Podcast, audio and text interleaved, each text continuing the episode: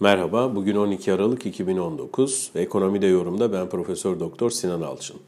Türkiye Cumhuriyet Merkez Bankası 2019 yılının son para piyasası kurulu toplantısında faizlerde 200 bas puan bir indirme gitti. Burada bahsettiğimiz faiz politika faizi. Politika faizi olarak kabul edilen faiz ise bir hafta vadeli repo borç verme faiz oranı.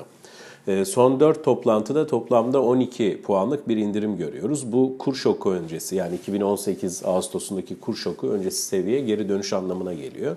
Peki Merkez Bankası'nın e, ard arda 4 kez faiz indirmesi ve nihayetinde %24,5'lardan %12'ye kadar e, faiz oranını getirmiş olmasının gerisinde ne yatıyor diye baktığımızda e, aslında bugün yayınlanan para piyasası kurul kararı basın metninde de görüldüğü gibi yatırımlardaki zayıf seyir, öte yandan da elini güçlendiren unsur olarak da enflasyondaki e, düşük seviye. Gerçekten de yıl sonu e, beklentisi Merkez Bankası'nın %12 olmakla birlikte muhtemelen %11-11,5 bandında bir enflasyonla yılı kapatmış olacağız. Bu genel beklenti olan 150 bas puanlık indirimin de ötesinde Merkez Bankası'nın 200 bas puana kadar bu indirimi zorlamasını olanaklı kılmış oldu.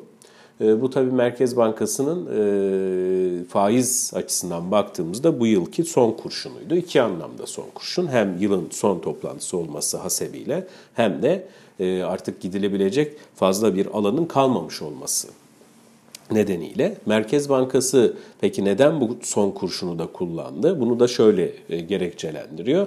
Bir tarafta yatırımlar zayıf seyrini sürdürüyor. Dolayısıyla burada yatırım teşviği amacı var.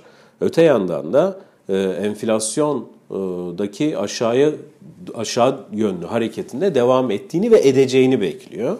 Bu tabi varsayım yani 2020 yılına dönük olarak e, yine şöyle bir varsayımı da var. E, merkezde yer alan ülkelerin yani majör merkez bankalarının e, genişlemeci para politikasına devam edeceğini varsayıyor. Ancak dün örneğin Fed'in raporunda görüyoruz. Aslında 2020 yılında bu genişlemeci eğilime son vermeyi düşünüyor Fed.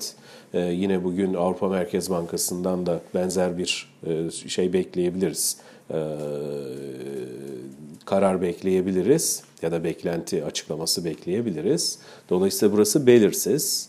Öte yandan bu enflasyondaki düşüş eğiliminin ülkenin risk primini de düşüreceğini varsayıyor Merkez Bankası CDS'i ama bu da biraz şüpheli. Netice itibariyle Merkez Bankası yılı e, üretimi teşviğe dönük, daha doğrusu esas amacı fiyat istikrarının sağlanması olmakla birlikte e, ekonomik canlanmayı da teşvik etmeye dönük olarak para politikasını bütün yıl boyunca sürdürdü. Özellikle Temmuz'dan itibaren de güçlü faiz indirimleriyle bunu gerçekleştirmiş oldu. Yıl sonuna geldiğimizde de bir anlamda elindeki son silahı da kullanmış oldu. Şimdi bundan sonra ne olacağı artık yeni yıldaki ekonominin toparlanma eğilimine bağlı olarak ortaya çıkacak. Burada enflasyon üzerinde daha önce de konuştuk.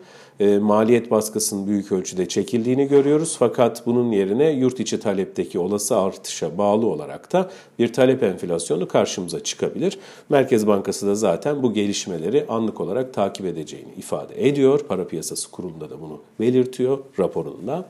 Ee, ve yine gelecek yıl 12 defa toplanacak olması da para piyasası kurulunun biraz daha proaktif e, rol alabileceğini yine Merkez Bankası'nın bu süreçte bize gösteriyor. İyi günler.